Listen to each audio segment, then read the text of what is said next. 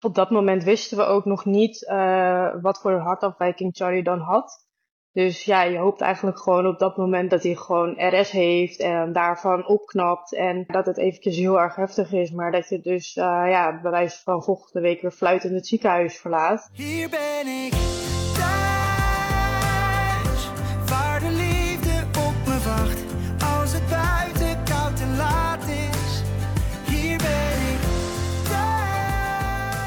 Welkom bij de podcast Door Weer en Wind die we maken voor Home Sport Events. Het sportevenement van het Ronald McDonald Kinderfonds. 24 uur non-stop sporten voor families met een ziek kind. Ik ben Ewout de Bruin en hiernaast mij Joep Bimbergen. Joep, fijn dat je er weer bent. Ewout, hey, daar zijn we weer. Met uh, hele fijne koffie. En wat is daar het verhaal bij? Nou ja, het is een speciale week. Want uh, um, eerder waren wij uh, bij een uh, evenement in Amsterdam bij Kaptein Sports. Waar we de eerste, de eerste editie van de film van Laurens ten Dam en zijn kornuiten Shelter. Over een nou ja, opzienbarende tocht op de fiets door Schotland zagen. Daar spraken we ook alvast af met hem dat hij in de toekomst eens bij ons digitaal aanschuift in de podcast. Maar afgelopen week won hij de, de, de afschrikwekkende bikepacking-tocht Transcordilleras door Colombia. vandaar dat we Colombiaanse koffie drinken. Ja, heerlijk. Heerlijk. En ja, zo'n bikepacktocht is echt on ongelooflijk, hè? Ja, ik heb wat beelden voorbij zien komen. En het is echt, uh, nou ja, ik weet niet hoe lang hij op de grond gelegen heeft uh, uh, toen hij de finish overkwam. maar dat is echt in de hitte door de Andes, wat, nou ja, met pieken, pieken bergtoppen. Ja. Is dat die top met 14.000 hoogtemeters? Ik geloof het meteen. Of was dat op Afschrikwekkend. Ja, Veel hoogtemeters, verspreid over, nou ja, duizend kilometer. En echt onherbergzame onherbergzame wegen. Ja, daarom drinken wij nu uh, lekker vanuit onze luie stoel hier uh, Colombiaanse koffie. Lauwe stop. Ja, betekent niet dat we het makkelijk hebben, want we hebben een heel erg uh, emotioneel verhaal opgenomen. Gesprek met Eileen, het verhaal van Charlie, dat hoor je straks in deze podcast. Maar eerst Miranda Noorlander van het Kinderfonds en zij vertelt onder andere hoe de home ride is ontstaan. Is zelfs ontstaan ooit bij mijn team Fondswerving en Communicatie, waar ik toen hoofd van was. En uh, we hadden toen een, uh, een brainstormdag waar uh, de opdracht was van bedenk een nieuw fondsenwervend event dat op termijn 1 miljoen kan opbrengen. Nou, dat is gelukt. Homesport Events brengt inmiddels ruim meer dan 1 miljoen op. Dus dat ja, is fantastisch dat dat toen uit het team in een brainstorm sessie kwam toen. ja, we hebben er zelfs een moodboard nog van. Het idee voor een fietstocht langs de Ronald McDonald huizen. Nou, dat heeft zich uiteindelijk verder ontwikkeld tot Home Ride het event waar we mee gestart zijn.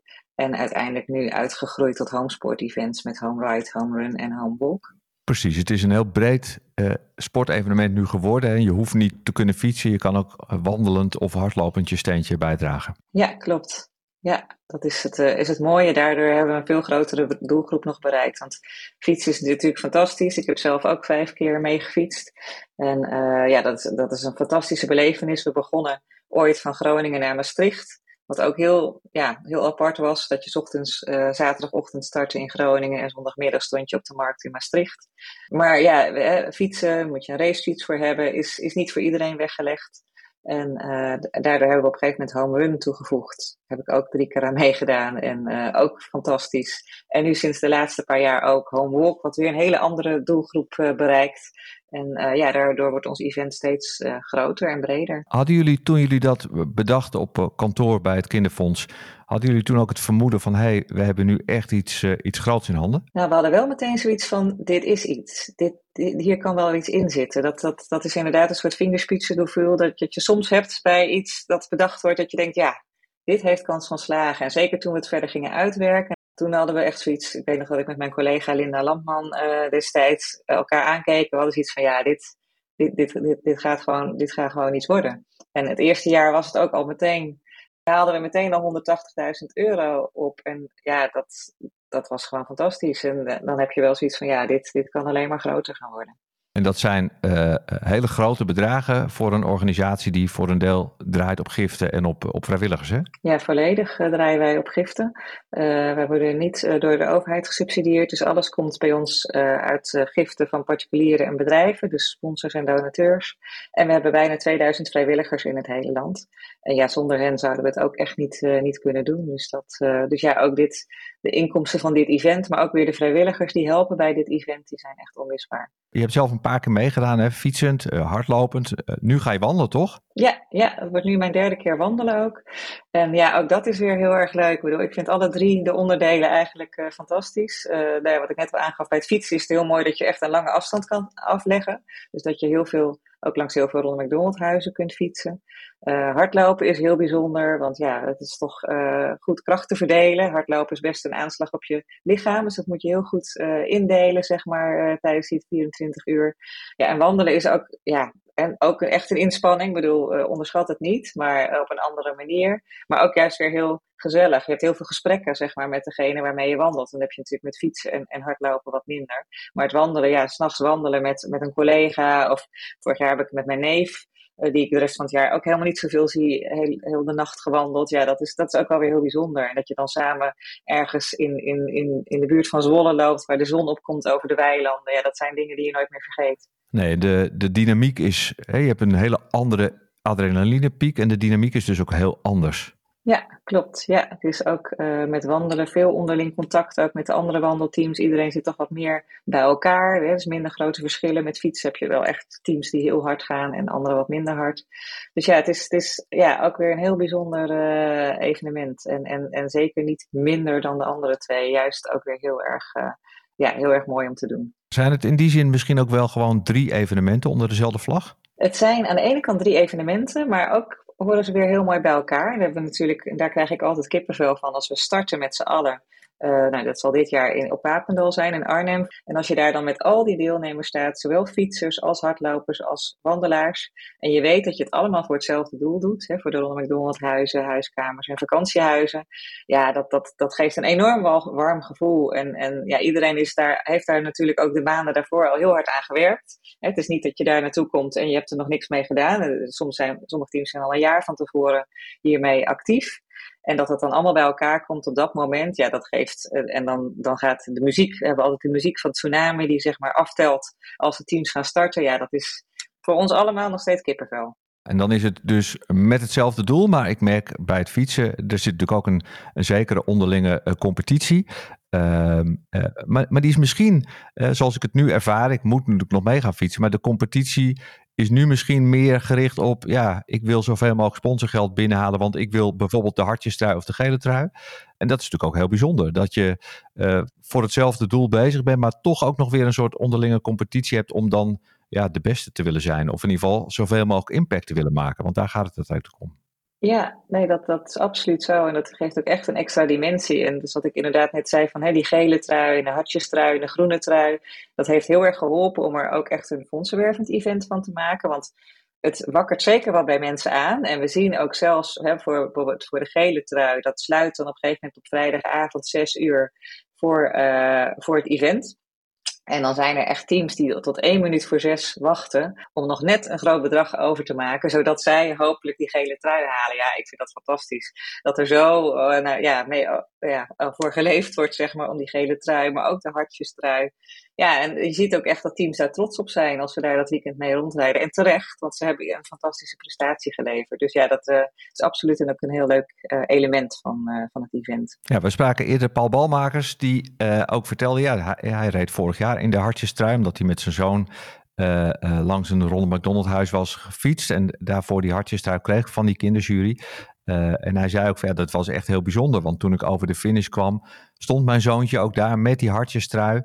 Uh, ook aan. En dat is zo'n uh, ja, uh, zo'n bijzonder moment eigenlijk. Um, het is een soort erkenning, kan ik me voorstellen, voor jezelf, maar die wil je eigenlijk niet, want je doet het voor een heel ander doel. Ja, ja, maar dat is de combinatie, denk ik. Uiteindelijk weet je waar je het voor doet. Maar ja, dat je zelf ook hè, daar iets, nou ja, een, een, soort prestatie bij, bij haalt, dat is alleen maar heel mooi. Ik bedoel, het is natuurlijk voor iedereen, ook die niet een gele trui of een hebben, als je over de finish komt.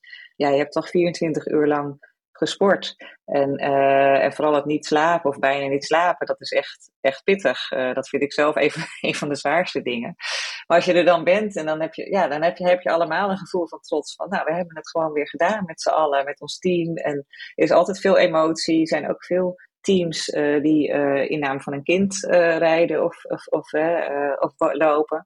En, en vaak zijn ook die kinderen bij de finish omdat het oud-gasten zijn uit de Ronald McDonald huizen. Ja, dat, dat roept ook altijd heel veel emotie op. En dat, is, ja, dat, dat hoort ook bij ons event. Dat is ook het mooie. Je weet waar je het voor doet. En dat komt dan eigenlijk nog ja, duidelijker tot uiting. En dat, uh, ja, dat, dat, dat, dat hoort erbij. En dat is eigenlijk denk ik alleen maar heel mooi. Er zijn natuurlijk meer van dit soort wedstrijden. Hè? Je hebt de Alpe 6, je hebt de, uh, de Europa Run. Die kan je tegenwoordig ook fietsen. Um, wat maakt dit uh, dit homesport-event nou uniek ten opzichte van die andere uh, wedstrijden die ook voor een goed doel werken? Ja, nou, het zijn ook ten eerste ook twee ontzettend mooie events. Uh, dus laat dat buiten kijf staan. Maar ik denk het, het, waar wij in, ons in onderscheiden is dat je ook langs de Ronald McDonald huizen komt. Dus dat hè, je ziet eigenlijk onderweg waar je het voor doet. En ook doordat er gewoon veel gezinnen uit de Ronald McDonald huizen meedoen. Aan de finish zie je gewoon mensen hè, met een soms waar, nou je echt nog kan zien dat het kind ziek is of gehandicapt. En ja, die emotie die dan loskomt, de namen op de shirts voor kinderen, ja, dat, dat brengt het heel dichtbij. En dat maakt het wel uniek ten opzichte van de andere events. Je bent er dus eigenlijk alle keren bij geweest, uh, op wat voor manier dan ook. Um, dan zijn er ongetwijfeld verhalen van mensen die je echt heel erg getroffen hebben of deelnemers die je uh, gezien hebt op dat moment, uh, dingen die je echt zijn bijgebleven. Kun je, kun je ons eens meenemen in die nou ja, dertiende keer wordt het nu, dus twaalf keer die je nu hebt meegemaakt? Ja, ik heb één jaar heb ik meegedaan met een team met artsen uit het uh, Emma Kinderziekenhuis. Dat was sowieso heel bijzonder. En uh, uh, wij fietsten op een gegeven moment in de buurt van Groningen. En daar stond een, een klein meisje met een, een kinderfondsknuffel. We hebben ons eigen knuffelkonijn. En zij stond daar langs de kant, meisje van denk ik een jaar of zes. En uh, een van haar artsen fietste dus in mijn team. En dat, ja, dat, dat was echt, nou, die, die, die brak ook. Die had echt zoiets van, nou, dat, dat, dat zij mij hier nu staat aan te moedigen, dat was echt zo bijzonder. Nou, dat zal ik ook nooit vergeten. En dat, uh, dus ja, dat, nou ja, dat is een van de hele speciale momenten. Dat je denkt, ja, daar komt alles bij elkaar. De arts, het kind, de ouders. Ja, dat is waar we het, uh, waar we het allemaal voor doen. En, en dan ook nog ons konijn erbij. Het plaatje was echt uh, helemaal compleet. Miranda Noorlander, de adjunct-directeur van het Ronald McDonald Kinderfonds. Dank voor dit gesprek. En we gaan elkaar tegenkomen bij de start en hopelijk ook bij de finish. Zeker, ik kijk er naar uit. En heel veel succes met trainen. Hier ben ik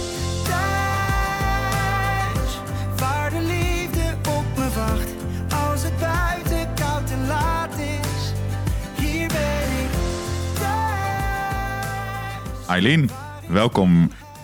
Welkom in de show, eindelijk. Ja, onze afspraak stond al een poosje, uh, maar uh, de eerste keer uh, dat we afgesproken hadden, klonk jij als, als een zeehond. dus het verhaal van, van jullie hielden we nog even te goed. Heel erg fijn dat we elkaar nu spreken op deze, op deze bijna lentedag, kan ik wel zeggen. Um, voor de luisteraars, kun je vertellen wie je bent? Uh, ja, dat kan ik zeker. Uh, nou, mijn naam is inderdaad Eileen. Ik uh, ben 36 jaar en ik ben moeder van drie kinderen. Um, en ik ben getrouwd met Mark, dit jaar al tien jaar. nou ja, mijn drie kinderen zijn Colin, die is bijna vijf, over een maandje. Charlie, die is voor altijd twee, want die is overleden in juni. En uh, Connor, en die is net één geworden. Je blijft wel gewoon zeggen, ik heb drie kinderen. Voelt dat ook zo? Uh, ja, ja, ja, op zich wel. Ja, Charlie zal altijd bij ons zijn. Um, ik moet wel eerlijk zeggen, ik vind het soms ook wel best wel moeilijk om over te praten. maar um, ja, hij is natuurlijk twee jaar bij ons geweest. En uh, ja, hij is nu nog maar heel kort overleden. Dus nu, voor nu voelt het sowieso nog wel heel erg zo. En um, ja, nou ja, goed, hij hoort voor altijd bij ons. Dus ja, ik denk dat je eigenlijk altijd wel kan zeggen dat je dus drie kinderen hebt. Ja, nee, ik kan me ook heel goed voorstellen. Ik zou het denk ik zelf ook zo doen. Uh, en ik vind het ook heel dapper en, en mooi hoe je er wel uh, met alle emotie die erbij hoort, wel gewoon over praat en het, nou ja, het, het verhaal blijft vertellen. Ja, zeker weten. Ja, het is natuurlijk ook wel een beetje een verschil hoor. Kijk, um, sta ik in de supermarkt en uh, vraagt iemand, uh, die ziet Connor bijvoorbeeld en die zegt van, oh goh, heb je nog meer kinderen? Ja, ik, dan, ja, dan denk ik dat ik eerlijk gezegd zou zeggen van, uh, eh, ja, we hebben er thuis nog één of zo, weet je. Want dat vind ik niet echt een moment om dan mijn hele levensverhaal eh, op tafel te leggen. Maar ehm, ja, op andere momenten als je iemand eh, vaker spreekt of eh, iets, of het voelt wel goed bij iemand die je op dat moment eh, spreekt, dan zou je dat denk ik wel zeggen. Maar ja, ik ben ook niet zo iemand inderdaad, dus als je samen op de bus staat te wachten, dat je dan dus ja, dat ook op die manier zou zeggen. Want dat roept natuurlijk wel altijd vragen op. Je hebt niet altijd zin in dat gesprek. eh. Nee, precies. Ja, ja. Gewoon ook omdat, ja, soms heb je er ook gewoon niet zoveel tijd voor op dat moment. En dat je denkt van, nou, goh, even afrekenen en weer door. Nou ja, goed. Dus ja, op die manier. Ja, ik vind het wel mooi dat je het verhaal wel op Instagram vertelt. Ehm, een, een plek waar het eigenlijk altijd goed gaat met iedereen. Ehm, eh, waar het dus misschien helemaal niet past, maar waar het wel enorm aanslaat. Ja, ja, ik denk dat mensen ook wel gewoon wel ehm, ja, nieuwsgierig zijn naar de wereld. Ehm, ja, hoe het is als het gewoon eventjes niet zo goed gaat. Ehm, dus ja, hoe het eenmaal is als je kind inderdaad op de IC terechtkomt. En hoe je leven is als je in een Ronald McDonald huis woont. En ja, dat is eigenlijk gewoon iets wat je ook niet zo heel veel ziet of zo. Ik bedoel, ja, eh, eh, ja ik denk voor ons allemaal dat eh, voordat dit soort dingen gebeuren, eh, weet je er ook gewoon niet zoveel van. En ja, is het gewoon een heel eh, ja, ver van je bedshow eigenlijk. En ja, denk je er helemaal niet bij na over dat het überhaupt, ja, je weet wel dat het bestaat, maar niet ja, hoe dat dan zal zijn en zo. Ja, ik ken het Ronald McDonald Huis ehm, van, eh, van de NRC, die altijd zei: ehm, als je met vakantie bent, dan kan je je krantje, je kan je geld terugkrijgen of je kan hem doneren aan het Ronald McDonald Huis. Eh, want dan hebben de mensen daar ook een krant. Eh, dus dat was eigenlijk mijn band. Eh, dat, dat deed ik altijd, maar voor de rest geen idee verder wat er allemaal gebeurde. Nou, ik ken het van de Happy Meal. Als je een Happy Meal koopt, dan doneer je ook altijd aan het Ronald McDonald's Fonds. Maar ja, voor de rest nooit bij nagedacht dat, dat je er zelf ooit zou belanden, zeg maar. Nee. Ja. Precies. Ik was dus ook stiekem wel een beetje teleurgesteld dat het toen ik daar zelf was, dat er toen geen NRC lag. Nou, dat snap ik inderdaad. Heb je al die keren heb je een NRC gedoneerd en dan krijg je hem niet. Ja, er lag een parool, dus het was ook goed. Maar nou ja, goed, weet je, er lag een krant. Dus, dus, eh, en het was überhaupt natuurlijk gewoon heel prima geregeld. Maar dat was wel, ik dacht op een gegeven moment wel, toen ik daar een paar dagen zat, van hé, waar is nou die NRC? Ja, wat is dit nou? Waar is die nou? Ja, snap ik. Ja, Oké. hey Aline, ehm, eh, jullie zijn dus in het Ronald McDonald huis terechtgekomen omdat Charlie eh, ziek werd. Eh, wat, wat gebeurde er? Ehm, nou, Charlie is geboren op 30 april. En nou ja, het- het was sowieso echt heel gek, want hij zou altijd een meisje zijn op de echo's. Dus we hadden alles ingeslagen in het roze, meisjesnaam. Ehm, dat zou Liz zijn. Ehm, nou ja, toen werd hij geboren en toen zeiden ze eigenlijk van, eh, ja, goh, eh, ja, leuk, Liz, maar ja, ik, ik denk eigenlijk dat het een jongen is. Nou ja, toen keken wij en toen zagen wij dat eigenlijk ook. En nou ja, dat is natuurlijk al een eerste omschakeling dat je denkt van, oh, eh, en, en nu dan? Want goh, het was, ja, het klinkt heel gek, maar het had ook nog zo kunnen zijn dat hij bijvoorbeeld beide zou zijn. Dus dat moest verder onderzocht worden. Ehm, nou ja, goed, op dat moment was dat ons probleem. Maar ehm, ja, voor ons was het eigenlijk helemaal geen probleem, omdat we zoiets hadden van, nou, eh, alle roze kleertjes die kunnen de kast uit, blauwe kleertjes erin, we gaan een nieuwe naam verzinnen en eh, nou, we gaan er gewoon voor. Het zou alleen fijn voor hemzelf zijn als het gewoon duidelijk zou zijn van of een jongen of een meisje. Zodat je niet voor hem de keuze zou moeten maken van goh, jij gaat later naar dat toilet of jij gaat eh, naar die kleedkamer. Dus het zou fijn voor hemzelf zijn als het gewoon wel duidelijk is wat hij is. Dus toen ehm, kwamen we in het AMC terecht, eh, de eerste twee weken. En toen was al best wel snel duidelijk dat hij dus een jongen was, via gewoon bloedonderzoek. En ehm, nou goed, daarmee was dat, dat we dachten van nou oké, Charlie, ehm, nu eh, willen we wel graag naar huis eigenlijk. En toen eh, bleek dus ook dat hij niet goed dronk eh, en niet goed groeide. Dus nou, er waren wel wat vraagtekens, maar er was eigenlijk niemand die zich echt zorgen maakte om hem, want ja, dat zou allemaal wel komen. En als je dan eenmaal thuis bent, dan gaat het wel snel beter. En nou goed, op die manier dus, hij kreeg een zonde in zijn neus om een beetje aan te sterken.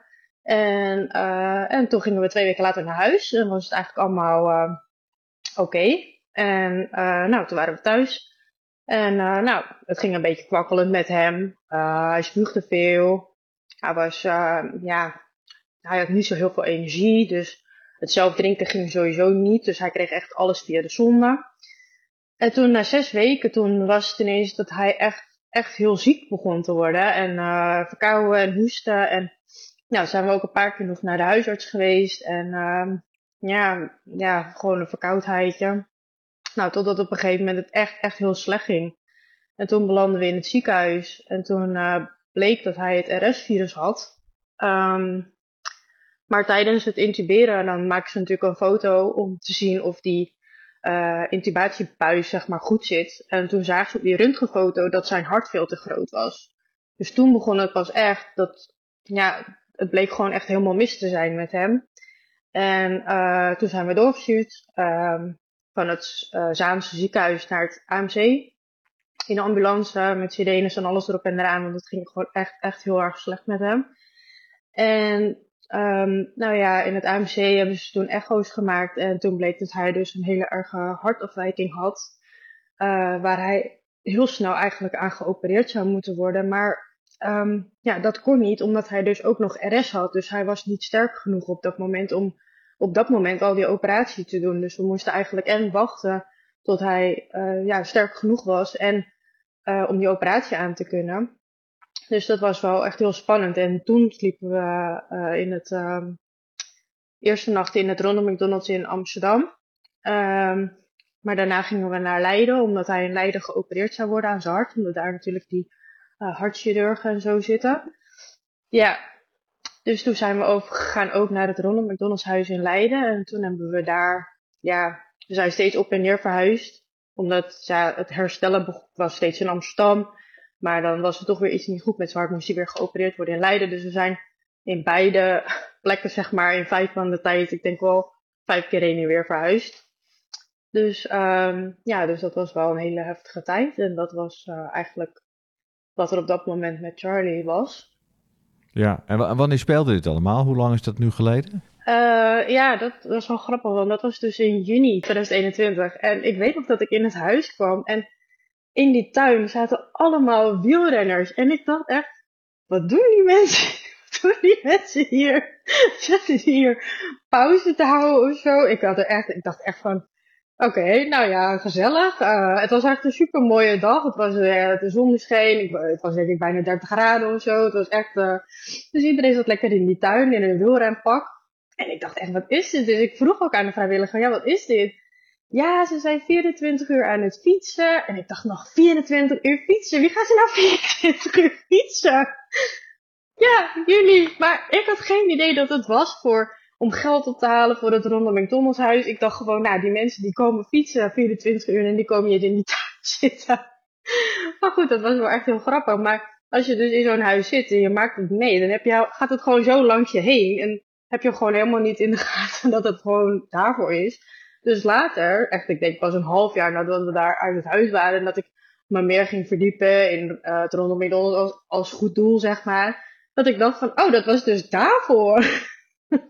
Ik heb geen idee. Eileen, even terug naar um, uh, de zwangerschap misschien wel. Want uit je verhaal, je vertelt het heel, uh, heel overzichtelijk en heel uh, zakelijk, zoals dat dan op een bepaald moment gaat.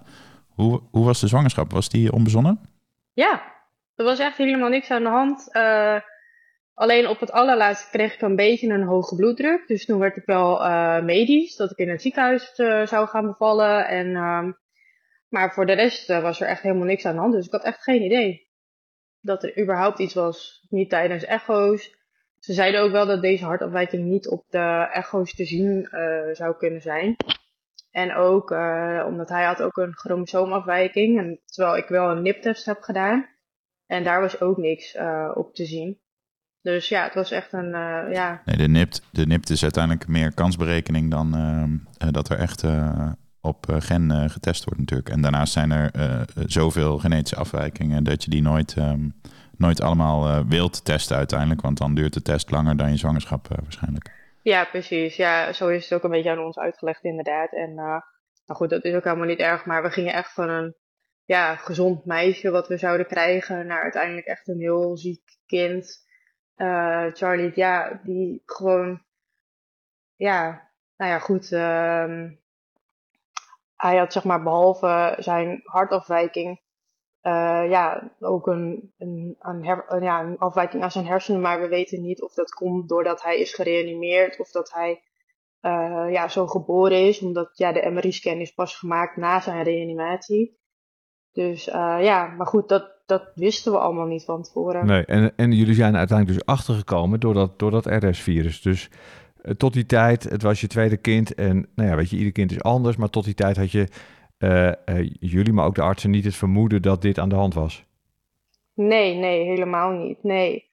Ik denk achteraf zijn er wel tekenen geweest dat er iets mis was met zijn hart. Want eh, ja, dat zeg ik, we zijn een paar keer eerder eh, in het ziekenhuis en bij de huisarts geweest. Omdat hij gewoon wel echt heel veel spuugde en heel weinig energie had. En eh, ja, je merkt toch wel enigszins een beetje dat zijn ontwikkeling wel anders was dan, ja, omdat je al een kind hebt. Dus ja, daar maak je dan wel zorgen over. Maar ja, dat werd ook wel een beetje soort van weggewuifd van, eh, nou maak je geen zorgen, dat komt allemaal wel goed. En ehm, ja, dat was uiteindelijk niet zo.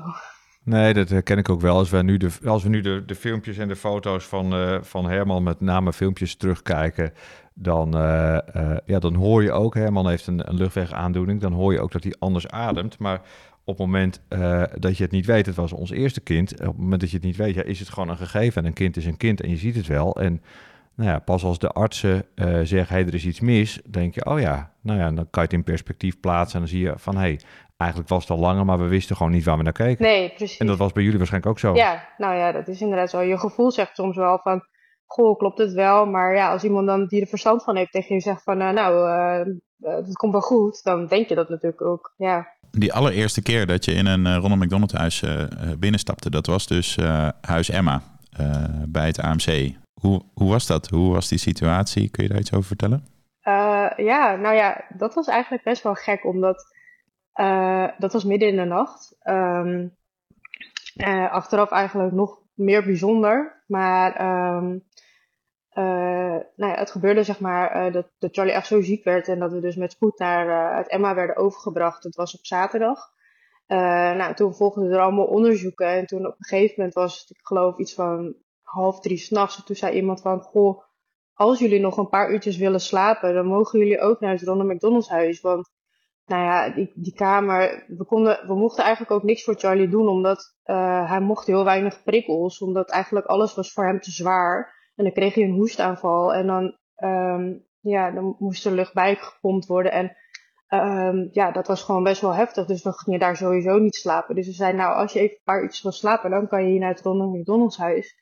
Dus wij gingen daarheen, midden in de nacht. En eh, toen waren daar twee vrijwilligers.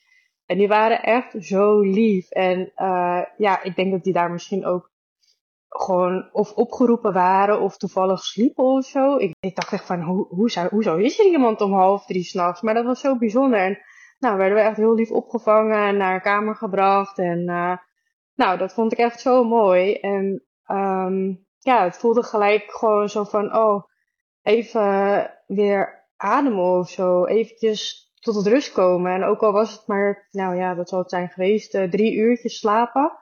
Dat je toch heel en heel even daar kan slapen. En op het moment dat je wakker wordt, dan wil je ook natuurlijk gewoon zo snel mogelijk weer naar je kindje toe. Maar dat was ook echt met vijf minuten stond je ook gewoon weer naast je kind. Dus, maar dan had je wel gewoon lekker een bed en even een plek voor jezelf om ja, heel even weer tot rust te komen. Dus dat was echt, eh, ja, echt heel bijzonder. Hoe, hoe was die wandeling? Want dat was samen met Mark. Jullie, waren daar, jullie liepen met z'n tweeën midden in de nacht naar het huis toe.